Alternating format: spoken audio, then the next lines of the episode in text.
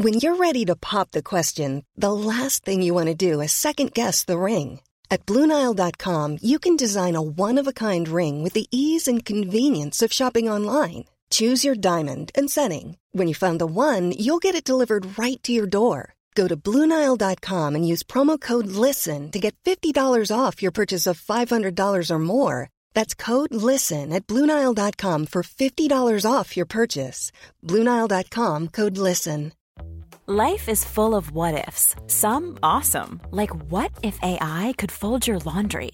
And some, well, less awesome, like what if you have unexpected medical costs? United Healthcare can help get you covered with Health Protector Guard fixed indemnity insurance plans. They supplement your primary plan to help you manage out of pocket costs. No deductibles, no enrollment periods, and especially no more what ifs. Visit uh1.com to find the Health Protector Guard plan for you.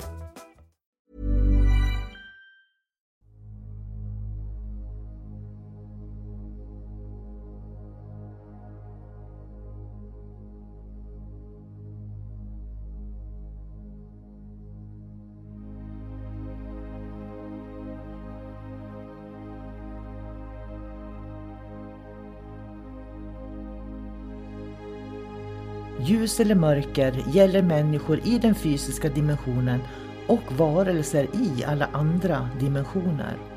För att kunna se vad som är vad behöver vi människor vara öppna för både ljus och mörker. Det kräver mod och ett öppet sinne. Ljuset ger oss ljus, värme, kärlek, gemenskap, tillhörighet, vänskap och en massa vackra livsupplevelser. När vi talar om mörkret i podden så är det när vi människor upplever förvirring, kaos, hot, angrepp, manipulation, splittring som bidrar till att man känner sig ensam, isolerad och rädd. Att vara i sin egen kraft är att våga se verkligheten för vad den är och där göra medvetna val. Du kan bara kontrollera din värld, dina känslor, din livsupplevelse och det är att vara i sin egen kraft. Varmt välkommen till podden Kosmiska samtal.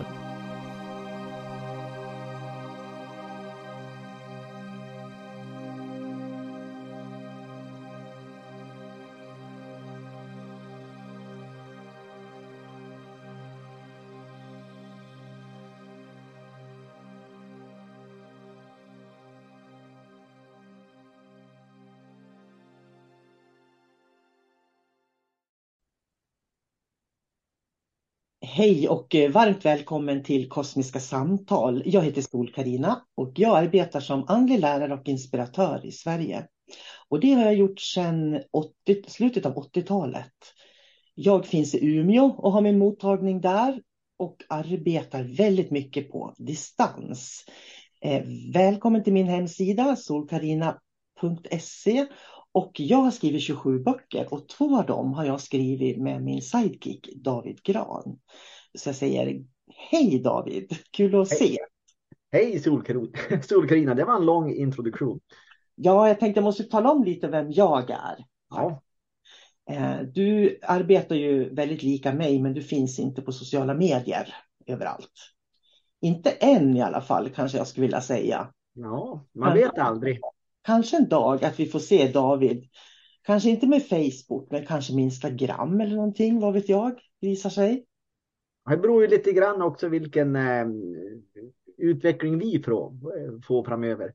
Om mm. det är någonting vi ska göra som kräver ett visst socialt medium, ja kanske att jag fixar det då. Helt enkelt. Man kan ju också säga att du är en småbarnspappa mitt i livet. Jo, jag har många strängar på min lyra brukar jag säga. Ja, ja precis. Så det, det säger väl också en del. Medan mina barn är vuxna. Och faktum, du som lyssnar. Mina äldsta barn är, David är två år äldre än dem, tror jag bara. Så det är lite fantastiskt hur man kan hitta varandra över generationerna. Eller vad säger du? Ja, jag har aldrig tänkt på våran åldersskillnad faktiskt. Nej, men jag tänker på det eftersom jag har barn som är två år yngre än dig. Så, så kan jag tänka på det när jag träffar dem. Liksom. Mm. Men, i våra samtal, alltså, det, är liksom, det är ju tidlöst på något sätt. Ja, det, det håller jag verkligen med om. Vi pratade ju känslor och tidigare liv och lite sådär i förra avsnittet. Mm. Jag tänkte nästan vi ska fortsätta på det temat för, för eh, jag tycker att människor har väldigt svårt, jag tycker inte om att använda ordet svårt, men de har det jobbigt med att eh, gå in och våga känna efter sina egna känslor. Och det är faktiskt ganska farligt för att om du inte har kontakt med dina egna känslor då är ju risken att någon annan kidnappar dina känslor faktiskt och, och, du kan bli utnyttjad. Och då tänker jag på det vi sa i förra avsnittet som jag tycker är viktigt att repetera.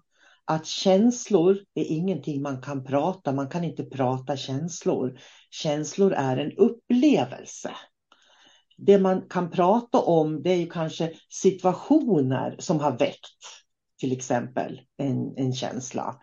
Eh, men det är fortfarande så behöver man befria sig från triggern som gör att känslan aktiveras. För gör man inte det, att man befriar sig från den här triggern, då kommer den att sitta kvar i kroppen och hela tiden reagera på omvärlden. Och det är väldigt, väldigt viktigt att man lär sig att hantera det här. Och det David, tycker jag människor är skitdåliga på. Ja, och egentligen det mesta handlar ju om att vi måste börja ta eget ansvar. Alla människor måste ta ansvar för vad som, vad som händer i deras liv och också kunna se framåt. Hur vill vi att våra liv ska vara? Liksom vara kräsen och ge sig själv den respekten att man jobbar mot de målen. För det är det enda sättet att, att gå framåt och växa på egentligen. För, människor, för jag upplever att många människor skyller sina problem på alla andra runt omkring. Om jag inte hade fått den där uppväxten, om jag inte hade, det hade blivit så där eller så där, eller om jag inte hade varit med om den där trafikolyckan, eller det är alltid någon annans fel hela tiden. Och det är det som egentligen är, är det största problemet, eller det största hindret att överkomma. Om vi nu väljer att se det som hinder. Och vet att det är så vanligt så folk märker inte ens när folk gör det här. Jag tänkte på, jag tittar på Bianca, jag brukar följa, titta på Bianca på söndagarna för att hon intervjuar människor och jag tycker det är intressanta intervjuer och jag gillar det programmet Bianca Ingrosso då, eh, har. Och då var den här arga snickaren var med som har stulit, jag vet inte om det var fyra fläskfiléer han, han hade låtit bli att skanna då. Just. Har han åkt dit för det eller? Ja, han var ju dömd för det också då. Just det. Ja, det har lite förtal om du tar upp det igen om man inte har åkt dit. Nej, han har åkt dit för det och han tog upp det och nu ska jag referera det som sades i den som han själv har sagt, inte jag alltså. Eh, och grejen var den att eh, då sitter han där, tycker jag, och ska få syndernas förlåtelse för att han har låtit bli att, skanna fläskfiléer. Då. Eh, jag tycker liksom att det är ett brott. Jag kan inte ens förstå hur man kan komma på idén att göra det. Det är det som är grejen. Medan han gjorde det utan skam på något vis och, och sen sitter då i det här när tv-showen och liksom, ja, jag har blivit en bättre människa nu ungefär. Men det som retar mig, och det stod i tidningarna efteråt också, det var för att han skyllde på sin mamma. Hans mamma? Ja, det var någonting med hans mamma och hur hon hade fostrat honom och då kände jag bara, oh my god. Ja, men då är det ju så här, har han... Eh... han... Precis som alla andra i det här samhället. Om inte den hade gjort så, då hade jag varit... Herregud, den jag är idag, det är ju den personen jag själv har skapat. Och, och det, de som har påverkat mig i mitt liv, har de påverkat mig på ett negativt sätt, då har jag hanterat det för länge sedan. Har jag positiv påverkan, då tar jag med mig det som en god egenskap. Så ja. för mig är det liksom obegripligt hur man kan skylla på andra människor. Det är klart, när man är liten, låt oss säga att upp till 15-20 års åldern, då har man ju inte så mycket till val egentligen. Utan då blir man ju itutad massa saker som man ska, hur man ska vara och dylikt. Men någonstans när man når en, en, eh, en annan medvetandenivå, så då måste man ju faktiskt börja tänka till. Vem är jag? Till exempel, nu måste jag göra om, om, omval här i livet. Ska jag rösta på det här partiet bara för att mina föräldrar och min farmor och farfar har röstat på det partiet? Eller nej, då måste man liksom, allting ska ju liksom eh, ses över igen. För jag ska ju skapa min egen personlighet. Jag måste vara kräsen med vem jag är, vad jag står för. Så att det är återigen, man kan ju inte skylla på någon annan. Man kan skylla på någon annan om man har en väldigt låg medvetenhet. Men om man har så pass hög medvetenhet att man ändå kan sitta i en soffa och säga att ja, men jag skyller på min mamma. Eh, då börjar det vara ganska ruttet. Mm. Jag tycker det, det är så fult att göra det. Det är så fult att skylla på en förälder när man är vuxen. Ja. Jag menar, och sen, sen en sak till. Varför tror folk att bara just de har haft skitfostran när de växte upp? Det finns ju hur många som helst som har haft en skitfostran och kommer från väldigt dåliga omständigheter, har blivit mobbade, hur, hur vanligt är inte det? Men det har fortfarande blivit människor av dem, de skäl inte på affären. Eller de, ja, det, det, här var liksom bara en petitess, just det där hur man inte kan hantera sina egna känslor. Eh, och då börjar man skylla dem på andra. Men är det en förmildrande omständighet att skylla på någon annan i det här fallet? Det var ju det tydligen. Nu, nu vet jag ju att han skulle börja med något nytt program, så jag tror ju att eh, det här är ett sätt för TV5 då att släta över det han, liksom, hans dumheter, för han var ju populär som programledare. Arga snattaren skulle han kunna göra. Ja, det skulle de kunna göra. Men det, är liksom, det väcker så mycket intressanta frågor. För det är det här, kan man bli förlåten? Och när ska man bli förlåten? Eh, för, eh, ja, och de frågorna behöver vi inte ens gå in på. Men det jag reagerar på, det var just det här att han började eh, fräsa om sin mamma lite grann då. Att, så att hon skulle ha något att göra med att han var som han var. Och, och det köper inte jag. Därför Nej, det blir ju bara ännu värre. Ja. Han hade ju faktiskt kunnat komma undan med någon typ av respekt om han hade, nu har inte jag sett den här intervjun, men liksom bara vara ärlig rakt igenom med, med varför han gjorde det. Mm. För då kan man åtminstone för, försöka förstå situationen. Men när någon bara skyller ifrån sig så då, då förtjänar de ju inte någon, någon, någon ånger från min sida. Nej, inte från min heller. Och sen just det där att han, det var ju säkert en känsla som triggade honom att göra det här. Eh, och den, det måste han ju lösa i sig själv. Eh, och då, då blir det liksom det här kringpratet hela tiden. Som inte kommer att lösa vad det var som egentligen triggade honom att, jag, att stjäla den här maten. Då. Men, men han är ju bara ett exempel. Det finns, jag skulle kunna skriva en hel bok om människor som inte ser sig själva.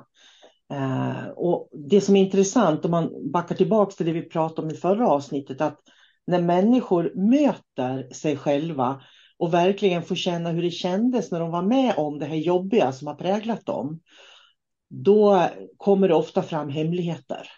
Hemligheter som de aldrig har berättat för någon, svåra, djupa saker. Så de flesta människorna, de bär på svåra, djupa saker och de behöver förlösas. Men de här svåra, svåra, jobbiga sakerna, djupa sakerna, när det väl har kommit till den punkten att det sipprar fram, så då är det ju, jag tror att du sa det i förra avsnittet, då är det en befrielse. Det har varit en plåga att hålla allting inom sig tills den dagen det kommer fram.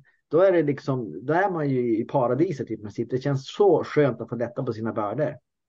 För anledningen att det inte har kommit fram det är för att de känner skuld eller skam för det de har varit med om. Eh, och, och, folk är väldigt rädda för hur omvärlden ska döma dem. Det är oftast det det handlar om. Men det är ju ingen som dömer dem utan känslan av befrielse. Och jag brukar tänka på moksha, den här indiska, där man pratar om, även inom buddhismen, så pratar man ju om att bli fri från lidandet. Det här är ju ett lidande. Om du har en erfarenhet som du har varit med om, som du inte känslomässigt har befriat dig ifrån, så kommer du att bära på ett lidande som skapar den här skammen och den här skulden hela tiden. Men när man närmar sig och löser upp det här, och, och det kan man inte göra med ord, utan man kan göra det genom att man återupplever känslor.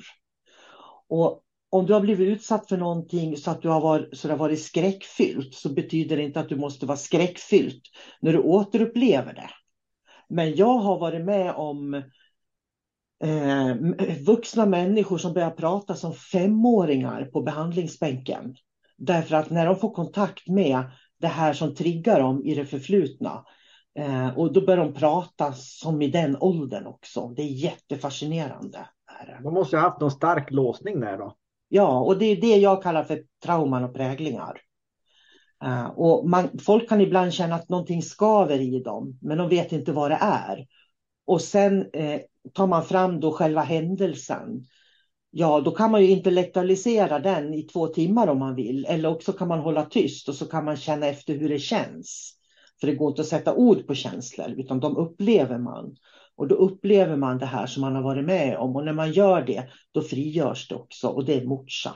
Det är att befria sig från lidandet som man pratar om i buddhismen. Då. Men då måste man ju ha en medveten närvaro också. Det är exakt det man behöver. Exakt, och det, det är därför jag tänker på mindfulness, pratar ju väldigt mycket om medveten närvaro, att man ska vara medveten. Och folk idag pratar väldigt mycket om att man ska stressa mindre, vara mer medveten och sådär. Men har man inte upplevt det David, vad det innebär att vara det, då är det bara pladder i huvudet fortfarande.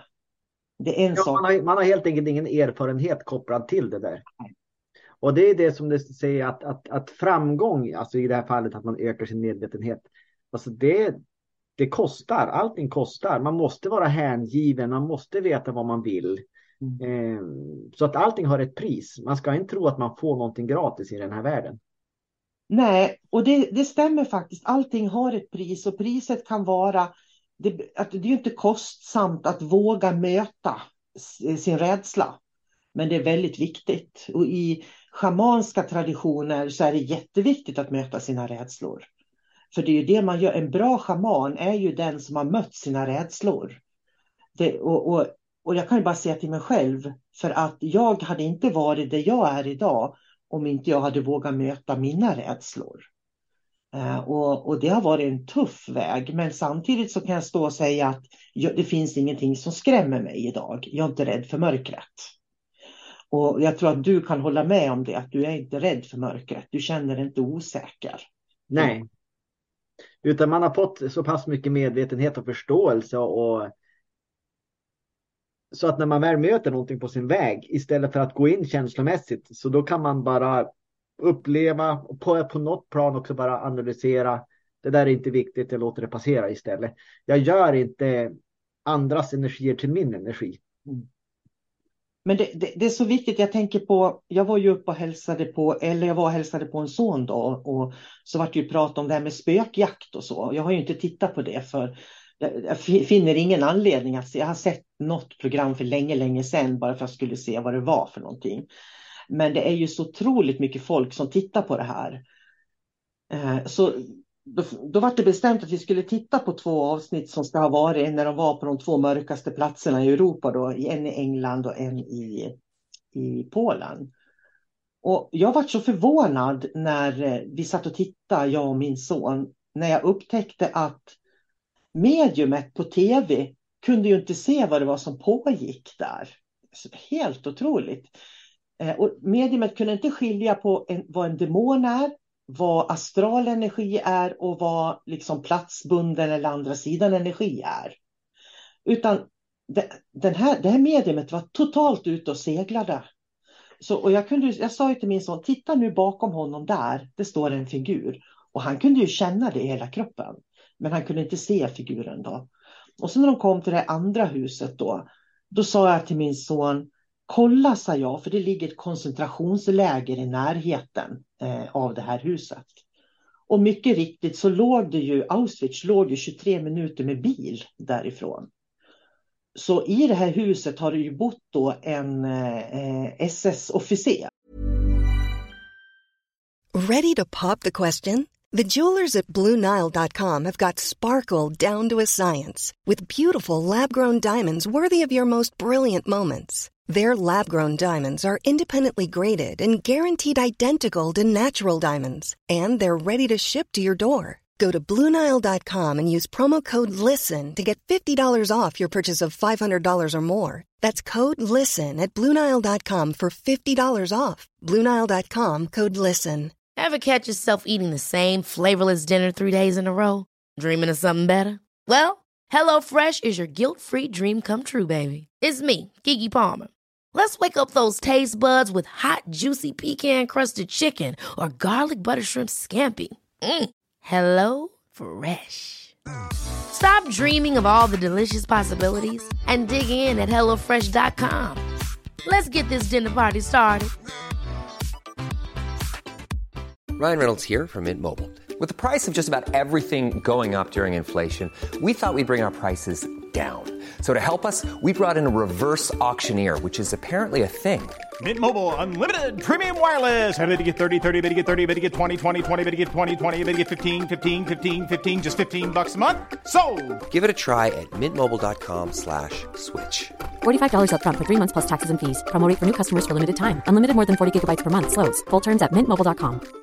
Many of us have those stubborn pounds that seem impossible to lose, no matter how good we eat or how hard we work out. My solution is PlushCare. PlushCare is a leading telehealth provider with doctors who are there for you day and night to partner with you in your weight loss journey. They can prescribe FDA-approved weight loss medications like Wagovi and Zepbound for those who qualify. Plus, they accept most insurance plans. To get started, visit plushcare.com slash weight loss. That's plushcare.com slash weight loss. Eh, alltså en SS-soldat. Och han har alltså skapat en tunnel av astral energi, av mörker, från Auschwitz till huset. Så i huset fanns inga demoner, det fanns inga entiteter. Det var liksom ångesten, den här mörka astrala ångesten från Auschwitz som var där. Och det här kunde jag liksom känna in utan att veta någonting om något. Och då misstänker jag att det här tv-teamet har väl gjort research för det på något vis. Men för mig så, det, det som skrämmer mig är, och då sa min son så här, det här var jätteintressant att titta på med dig, sa han. För allt som jag pekade ut och var det stod och det var ett porträtt i ett rum också, man kunde se hur demonen tittade ut genom porträttet första gången de kom in. Och mycket riktigt, sen var det ju någon, någon leksak som ramlade omkull där inne och sådär då. Eh, och där var det ju en stor demon och skulle jag hitta ett hus med en stor demon så skulle ju inte jag stanna där. Jag skulle ju gå ut därifrån. Eller jag skulle inte åka till ett sådant hus överhuvudtaget. Skulle jag inte. Och, och för han sa att när han sitter och tittar då med sin flickvän så sitter ju de och ser på det ungefär som en biofilm så och bara upplever. Men när han satt med mig då var han medveten om sina känslor i relation till det han såg. Och här kommer vi till det som är så farligt då. Jag fick en jätteupplevelse när, när, när vi började diskutera det här, han och jag. Därför att alla som sitter och tittar på de här programmen, det gäller ju skräckfilmer också, och nu har det varit halloween och så. Det är ju att de tar ju in de här vibrationerna i sitt energisystem, men de fattar det inte. Eh, han fattar ju det, så nästa gång han tittar på spökjakt, då kommer ju han att sitta och han, han vet ju hur han ska analysera det nu och kommer ju att göra det. Så det här är ett typiskt exempel på hur mörkret smyger in i människors liv och gör människor splittrade, skulle jag vilja säga. Ja, och det är också den här anledningen därför att eh, du och jag kan ju titta på sådana här program och så är de liksom, ja men de, de är ganska tråkiga, det tillför ingenting. Det är för att vi går inte på de här, ska man säga, charaderna. Medan andra människor som tittar på det där tycker att det är det mest spännande som finns. Eh, och det finns en skillnad där i förhållningssättet. Eh, just att på, på många sätt så är de liksom eh, mediumen, de är ju illusionister. De vet vad de ska ge folket, de skapar, upp, skapar draman och eh, liksom man eh, känslomässigt så går man in i det här i spelet. Man, man blir deltagare, man, man, man börjar känna in. Eh, och då är det riktigt spännande. Men kan man se att det här pågår, då kan man bara se det som en, eh, en ett tråkigt tv-program helt enkelt som inte tillför någonting och då gör jag hellre någonting annat. Mm. Så att det är helt klart att de blir lockade in i det här. Och om man inte har kontroll eller koll på hur energi fungerar och frek frekvenser, hur de fungerar. Så då, då blir man insvept i det här spelet. Mycket riktigt. Ja, för att jag menar, det var ju en varelse där. Jag såg ju den varelsen som stod det långt innan någonting hände egentligen. Men sen blev ju en av killarna blev ju omkullknuffade och nedknuffade i trappen och sådär. Och hade man kunnat se varelsen i rummet, eller om mediumet hade kunnat se varelsen i rummet. Men sen det här mediumet skulle, nej men jag tycker inte att någon ska gå in och mer här. Han ska ju liksom stå där då och leka jätteduktig och världsvan och beskyddande för resten av gruppen. Så det är liksom så, så sjukt allting. Eh, och sen, sen, vet du vad jag tycker är det värsta här? Att då har man varit medium och så pratar man om man, man är medium i, i spökjakt och, och, och det har ju liksom format det andliga Sverige då. Så det andliga Sverige tror ju att ett medium jobbar med spöken och ett medium jobbar med spökjakt och det finns ju ingenting som är mer fel. Och när de får kritik nu då, vet, då har de börjat kalla sig för paranormala utredare istället. Det tycker jag är ganska kul. Så istället för att definiera sig själva som medium nu när de är med i de här programmen så börjar de, för de har liksom börjat fatta att de får kritik då man säger så. Börjar byta etiketter. Då byter de etiketter och så är de plötsliga paranormala utredare och inte medium längre. Men, men om vi backar till de här mediet, eh, för det är ganska intressant. Jag vet ju ingenting om det där mediet, mediumet. Men när man står där i tv, jag förstår ju att de vill ju göra bra tv. De vill ju att det ska vara skrämmande, de vill ju att det ska vara eh, liksom eh, plötsliga händelser, det ska vara demoner i rummet och allt vad det är. Annars blir det ju ingen bra tv. Det, man, man ska ju skrämmas. Så min fråga är lite grann, hur mycket äkta hur mycket äkthet finns det i det här eh, mediumet? För det måste ju finnas en balans eh, hela tiden. Och sen beror det också vilken medvetenhet mediumet har. Men helt klart så är det ju en tv-produktion och de har ju precis som mörkret i övrigt så vill ju det hela tiden manipulera oss. Så att man måste på något sätt ifrågasätta hela den här branschen med spökerier. För de är ju bara ute efter dig som tittare. Det är du som ska bli skrämd.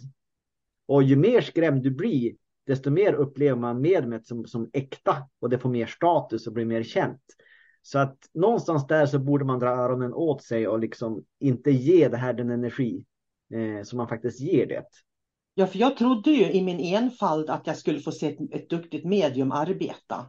Och så får jag se ett medium som överhuvudtaget inte vet vad, vad den personen håller på med. Och det tycker jag är skrämmande, riktigt skrämmande. Och att vara klarseende, vill jag poängtera, det innebär inte att man blundar och ser någonting för sin inre bild. Att vara klarseende är att se vad som pågår i rummet. Att se vilka som står i rummet oavsett vilken dimension de har. Och, och, det är det här som gör att jag tycker det är så viktigt med den dimensionella kunskapen.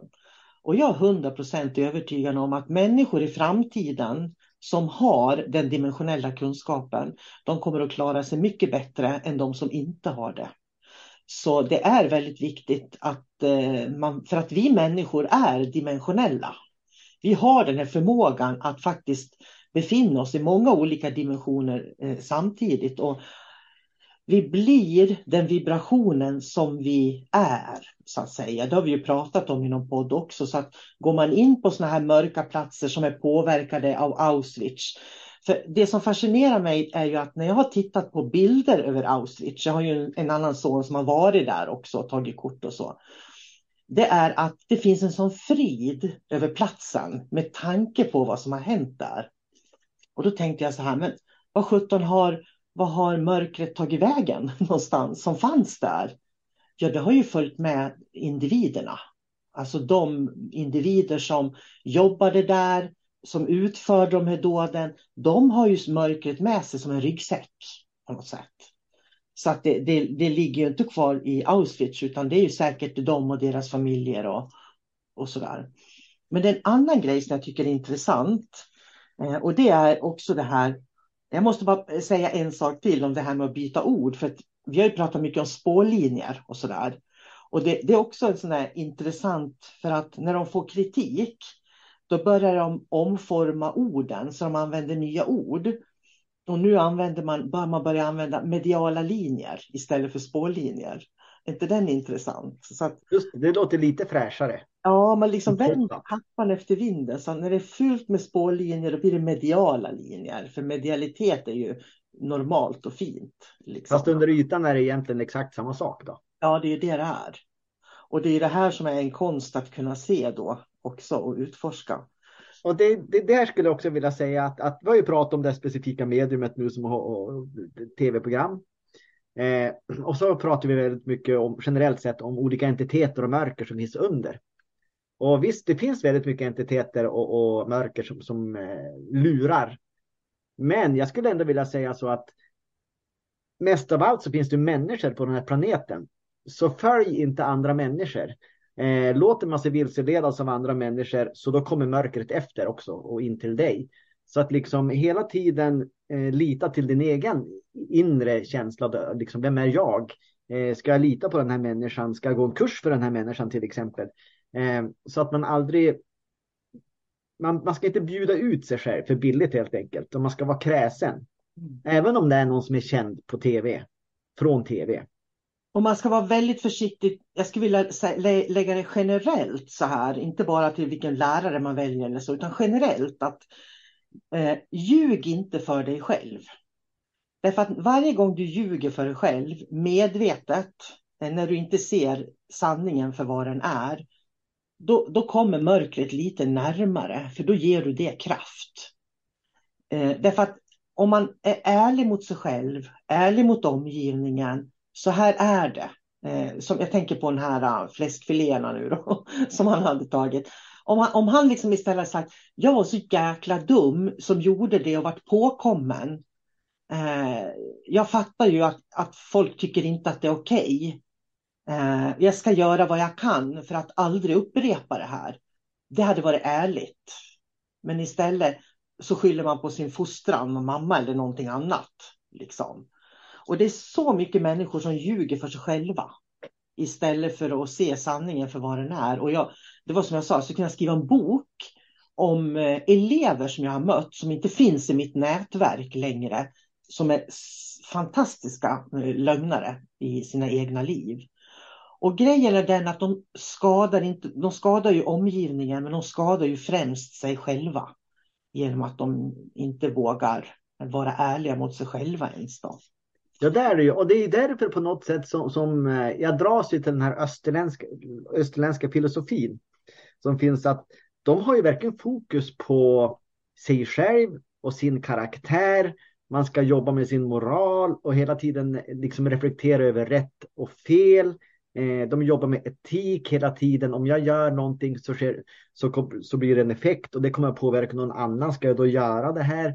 Eh, gentemot liksom eh, religioner vi har här i väst. För det, det handlar mycket om att det är bara ett regelverk som man ska följa på något sätt. Det, eh, det, det är ju på det sättet det är. Men det finns någonting i öst som liksom man jobbar med sig själv och då jobbar man också liksom med, med hela omvärlden och människorna runt omkring också. Det finns någonting medmänskligt i det om man säger så. Ja, för jag, jag, tror att en människa som är ärlig och sann, folk känner det. Eh, alltså det, folk känner det på något vis. Jag tror att du får mer respekt mot att springa omkring och hitta på saker. Faktiskt. Men jag tänkte på en annan sak som hade mm. med spökjakt att göra också när jag tittar på det. Och det var att de använde väldigt mycket teknik. Och då tänker jag på fas 1 alien som varelser också. Inte bara alien utan varelser som vi har skrivit om i boken, eh, utomjordisk eh, kontakt. Då har vi pratat om vilka det är som använder teknik. Och det som var intressant är att de använder teknik i spökjakt där till och med en maskin de läser in vibrationerna i rummet och omfamnar dem till ord. Så med, kort sagt så kunde, har de en liten maskin med sig som kan vidarebefordra ord från de här entiteterna då. Det lät ju väldigt fantastiskt. Och sen har de andra maskiner som de kan se entiteterna, hur de rör sig i rummet då. Så att det är, vi människor, vi är också till, till viss del, vi är också fas 1, vi hör ju till det skiktet.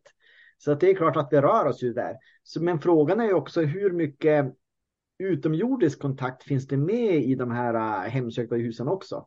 För jag menar, det är inte alltid det är en demon eller mormor är på besök, utan det kan faktiskt vara en reptil eller en grå utomjording som, som eh, liksom är med där som man kommunicerar med också. Jag tror jag, jag sa det också i något av de här eh, när jag, när jag tittade, recenserar då. För det var väldigt mycket utomjordisk kontakt också. Men det, det jag tycker är intressant är att vem har den kunskapen att man kan göra tekniska prylar utav vibrationer.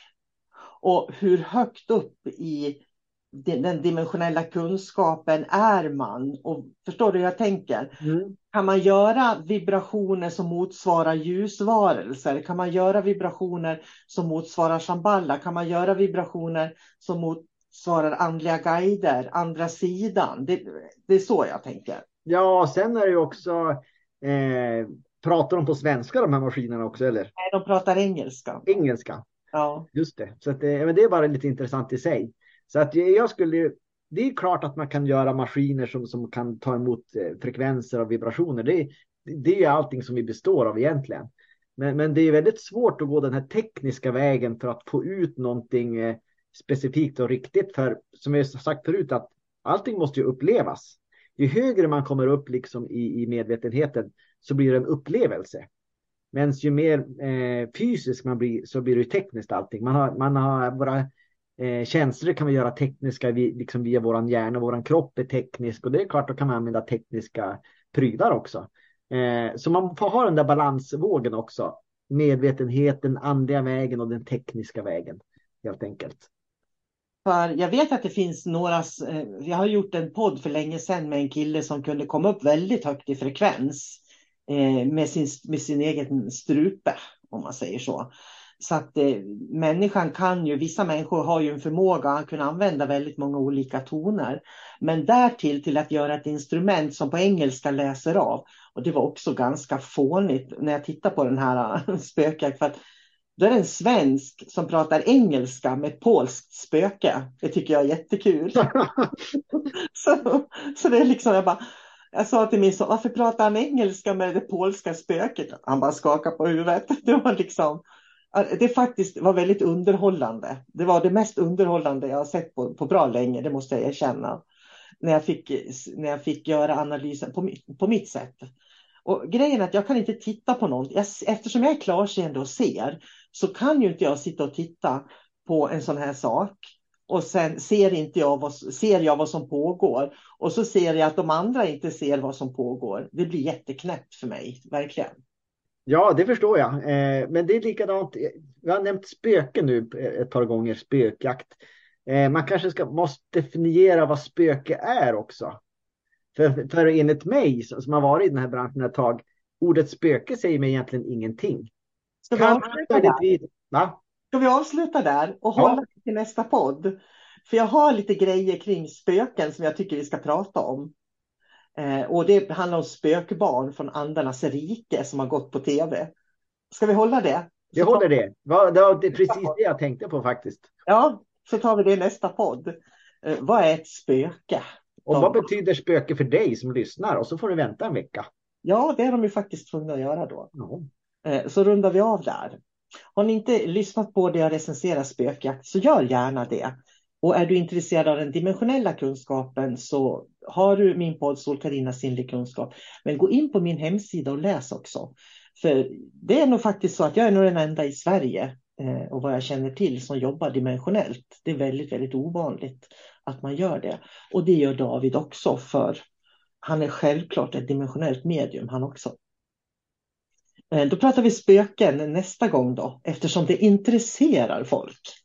Jajamän, så då, då får vi bena ut det här med, med spöken, spökerier.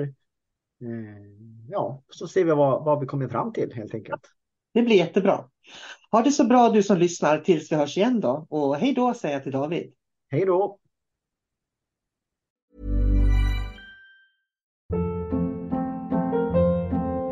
Hold up. What was that? Boring. No flavor. That was as bad as those leftovers you ate all week. Kiki Palmer here, and it's time to say hello to something fresh and guilt-free. Hello Fresh. Jazz up dinner with pecan-crusted chicken or garlic butter shrimp scampi. Now that's music to my mouth. Hello Fresh. Let's get this dinner party started. Discover all the delicious possibilities at hellofresh.com.